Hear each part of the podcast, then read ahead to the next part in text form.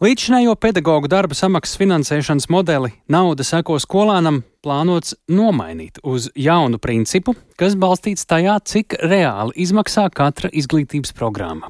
Pedagoģa arotbiedrība un pašvaldību savienība gan norāda, ka izglītības ministrijas piedāvātais modelis vēl nav pietiekami izdiskutēts, un jaunajā modelī ir neatbildēti jautājumi par pedagoģu slodzēm, kā arī par to, cik daudz līdzfinansējuma būs jāpiešķir no pašvaldībām. Ar jauno modeli šodien iepazīstināja izglītības ministrija, un tur līdzi sekoja arī Sintīna Ambota, kolēģe Sintīna, kā ministrija plāno mainīt esošo finansēšanas sistēmu.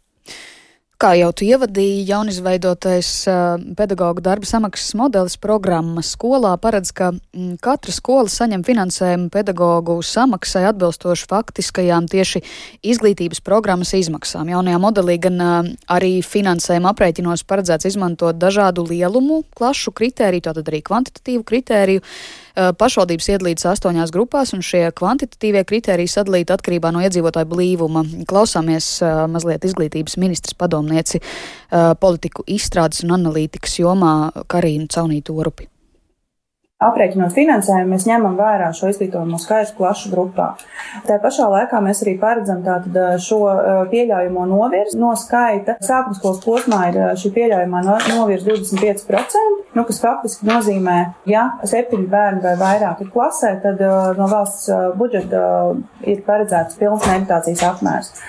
Savukārt, ja klasē, piemēram, ir pieci bērni, bet klasē vidēji būtu jābūt desmit, nu, pēc šiem kvantitīviem kritērijiem, tad attiecīgi pusi no kopējā programmas finansējuma saņemt izglītības iestādi no valsts budžeta un pārējos 50% būtu jāfinansē no uh, pašvaldības. Attiecībā uz vidusskolas posmu, tad uh, tur gan ir paredzēts, ka izglītības iestāde neatbilst šiem kvantitīviem kritērijiem, tad valsts budžeta finansējums pedagoģa atalgojumam netiek piešķirts, bet uh, visu programmas īstenošanu jāfinansē no pašvaldības līdzekļiem.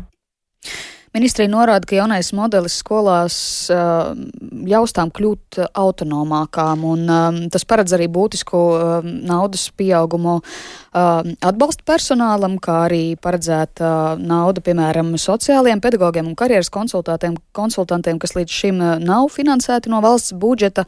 Modeli jau testējot visas pašvaldības, bet kāda varētu būt ietekme uz esošo skolu skaitu un pašvaldību finansējumu? Pagaidām tādu aprēķinu konkrēti nav.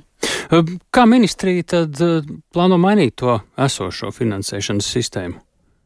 Un arī kāpēc to modeli maina, kāpēc vairs nevar turpināt to līdzšinējo ilgadējo principu, nauda seko skolēnam, tas jau mums bija tā kā tāda tēvreize.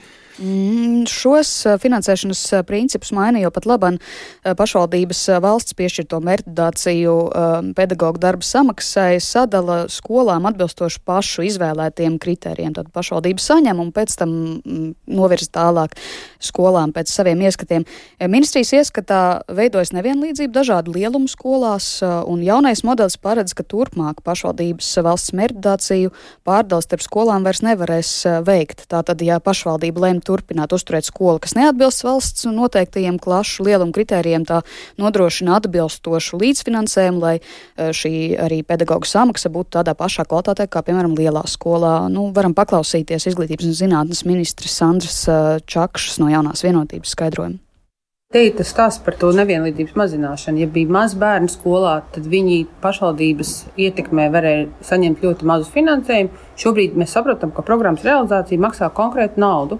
Un, ja mēs esam pateikuši, ka šo vairs nesadz pilnībā valsts ar savu dotāciju, tad pašvaldībai ir jāpieņem lēmums un viņiem ir jāpiedalās tajā. Jo galvenais ir svarīgi šie ieguvumi, kas ir tiešām bērniem, mazināt šo nevienlīdzību attiecībā pret demogrāfiju, tāpat arī skolotājiem, mazināt šo nevienlīdzību viņu algu jautājumu attiecībā pret uh, demogrāfiju un kopumā virzīties uz uh, kvalitatīvu izglītību. Mērķis nav kaut ko aizslēgt, mērķis ir nodrošināt vienādas iespējas visiem bērniem Latvijā, ka tuvākā skola ir laba skola.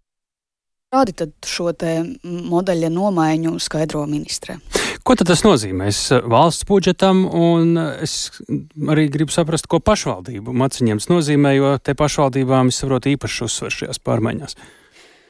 Pašvaldības Savienības padomnieks izglītības un kultūras jautājumos Sināra Dundura norāda, ka par uh, jauno modeli un tā darbība un riskiem nav bijusi detalizēta saruna ar pašvaldību savienību, taču uh, viņa vērtē, ka piedāvāto modeli nevar saukt par programmu finansējumu, jo nav aprēķinu, cik tad izmaksā viena vai otra programma, lai skola to realizētu, bet ar vien tas tiek tātad balstīts uz skolēnu skaitu.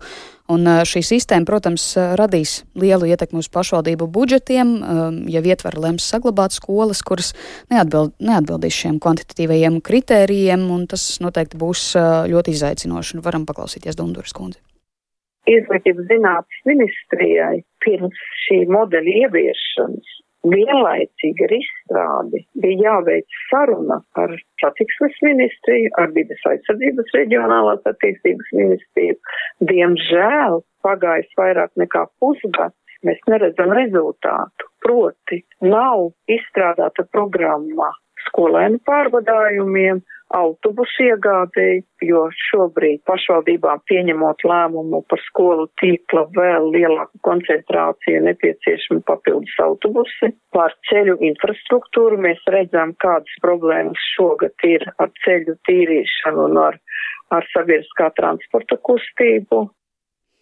Jā, tādas šādas uh, problēmas iezīmē arī pakārtotas tālāk pašvaldību savienība, bet um, jauno finansēšanas modeli plānots ieviest no šobrīd no nākoša, ne, no, nu jā, no nākošā mācību gada, mācību kas, ir šai, jā, mhm. kas ir šajā gadā, jau 1. septembrī. Par to vēl notiek individualizētas sarunas ar pašvaldībām. Savukārt pašvaldību savienība aicinājusi ministriju pirmdien uz diskusiju par šo modeli.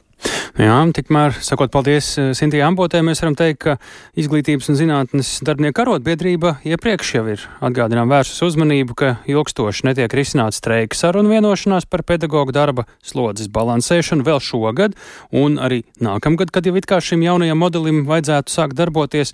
Nu, un eh, šobrīd arī pie mūsu klausulas ir Latvijas Izglītības un zinātnes darbinieku arotbiedrības vadītāja Inga Vānaga. Labdien! Sveicināti! Divos vārdos sākumā, lai mēs saprastu, cik dziļi esat šajā stāstā, jums šis ir viss diezgan liels jaunums, vai arī arotbiedrības un ministrija jau kārtīgi ir kopā pastrādājuši, lai šo ierosinājumu veidotu? Nu, mēs esam centušies sadarboties un līdz pagājušā gada tātad decembrim, taču, diemžēl, mūsu rīcībā nav informācija par izmaiņām. Un pēc pēdējām sarunām, kas bija ar visām nozares organizācijām pagājušā gada nogalē, mēs neesam informēti, vai ir ņemti vērā vai nav ņemti vērā būtiski mūsu iebildumi un arī priekšlikumi. Ko šodien uzzinājāt par to? Šodien, diemžēl, mēs tik cik no mēdījiem uzzinām, bet tā informācija, kas ir mūsu rīcībā, ja, un ko mēdījiem prezentēja, tad mēs redzam, ka slodzes balansēšana ministrija nav paredzējusi no, nāka, no šī mācību gada, kas būs ja, septembrī. Tā ir streika prasība un vienošanās, kur ir pat ministra kabineta lēmumi, un tie tiek ignorēti. Tāpēc aicinām steidzamības kārtā ministri arī ar mums tikties. Un, ja ir jāveic aprēķini, tad tie nevar būt kvalitatīvi, ja, jo mums mums nav viss šis slodzes balansēšanas jautājums atrisināts. Un arī mēs neredzam, ka būtu ņemti vērā ne tikai līdzi, bet arī citu organizāciju priekšlikumi, kas attiecas uz administrācijas skaitu, uz atbalsta personālu, kas ir katastrofāli neatbalstāms, ja, kas tur ir iekļauts un apdraud iekļaujošas izglītības pamatprincipus, arī izglītības pieejamību pie Eiropas Savienības ārējās robežas pašvaldībām. Un, tiešām šī reforma ir ļoti, ļoti vajadzīga un sen bija jāpāriet uz šo modeli, bet redzot, kā viss notiek gan komunikācijā, gan aprēķinos, ja, gan šajās visās eh, proporcijās, ja, tad eh, teikšu, kā ir, mums ir ļoti lielas bažas, ka šī reforma var būt kārtējais eksperiments eh, gan ar skolēniem, gan skolotājiem. Tas var būt ļoti liels pārbaudījums direktoriem, pašvaldībām un arī vecākiem. Kā šobrīd izskatās pēc tā, kas tur ir jūsu rīcībā no publiskās un nepubliskās sarunas ar ministriju pedagoģi no jaunā mācību gada pēc šīm pārmaiņām varētu saņemt vairāk vai taisnīgāk par padarīto? algas grafika kontekstā saņems vairāk, tam tā būtu jābūt, ja, bet tas, kas ir saistīts ar šo slodzes balansēšanu, tam ministrija nav paprasījusi ne eiro, no 24. gada budžetā, un šajā jaunajā modelī ministrija nav neko tam papildus rēķinājusi. Pat nav devusi, nu, redzat, kā var aprobēt, nu, pilotēt pašvaldības un skolas modeli, kurā nav iekļauts iekšā tātad eh, nākamais slodzes balansēšanas solis, par ko mums bija jāvienojās līdz pagājušā gada maija beigām, tad pagarināja termiņu uz oktobri, tad uz decembri, un tad ko tad tās pašvaldības un skolas var rēķināt, pilotēt. Un, un te es teiktu, es ļoti vērstu uzmanību vecākiem. Ja, ja ir viens psihologs un viens uh, sociālais darbinieks, viens uh, speciālais pedagogs uz 600 bērniem un viens logopēds uz 300 bērniem, tad par kādu mēs nu, kvalitatīvi iekļaujošu izglītību jaunajā modelī varam runāt. Ko jūs redzat šajā modelī attiecībā uz skolu skaita izmaiņām? Vai tas kaut kādā veidā vai spiež vai provocē vai veicina to, ka tās mazākās skoliņas uh, vai skolu tīkla pieejamība, vai te varētu būt kādas izmaiņas uz skolu skaita samazināšanas pusi, ko šis, uz ko šis finansējuma modelis, pedagoģa atalgojuma modelis vairāk virza? To, ka ir jāpieņem daudz viet šie nepopulārie lēmumi, mēs nevaram noliegt. Ja? Pašvaldības jau to dara, bet tas, kas tiešām ir ļoti, ļoti būtiski, kad ir individuāli jāvērtē. Uh, nu, katra skola ja, un katras skolas lomu, jo te mēs arī piekristu apgalvojumam, ka maza skola nenozīmē sliktu. Bet šis jaunais modelis tā kā vēl vairāk to veicina, lai uz to ietu. Jā, sapratu, tur ir diezgan jā. skaidri pateikts, ka pašvaldībām, ja tās vēlas savās teritorijā kaut ko vairāk, kas ir iespējams, nekā ir iespējams par valsts naudu, tad viņām pašām ir jāmaksā klāt, vai arī nesanāk. Eh, pašvaldības noteikti pieņems šos nepopulāros, sāpīgos lēmumus, jo jau šī gada budžets parāda to, ka pašvaldībām ir uzlikti jauni pienākumi, tā skaitā nu, eh, saistīti ar izglītības nozari un nesaistīti, kas prasa papildus lielus ieguldījumus, un kur jau nepietiek nauda, tad eh, mēs jau redzam, ka ir virknē pašvaldībās jau ir šie lēmumi, jo likums nosaka, ka, mm -hmm. pašvaldībām ir jāpieņem lēmums par skolu slēgšanu vai reorganizēšanu līdz 1. martam. Un tāpēc mēs arī ministrijā lūdzām pēc iespējas ātrāk iedot visu pilnīgo informāciju, vai kad un kādos termiņos un kādi ir aprēķini.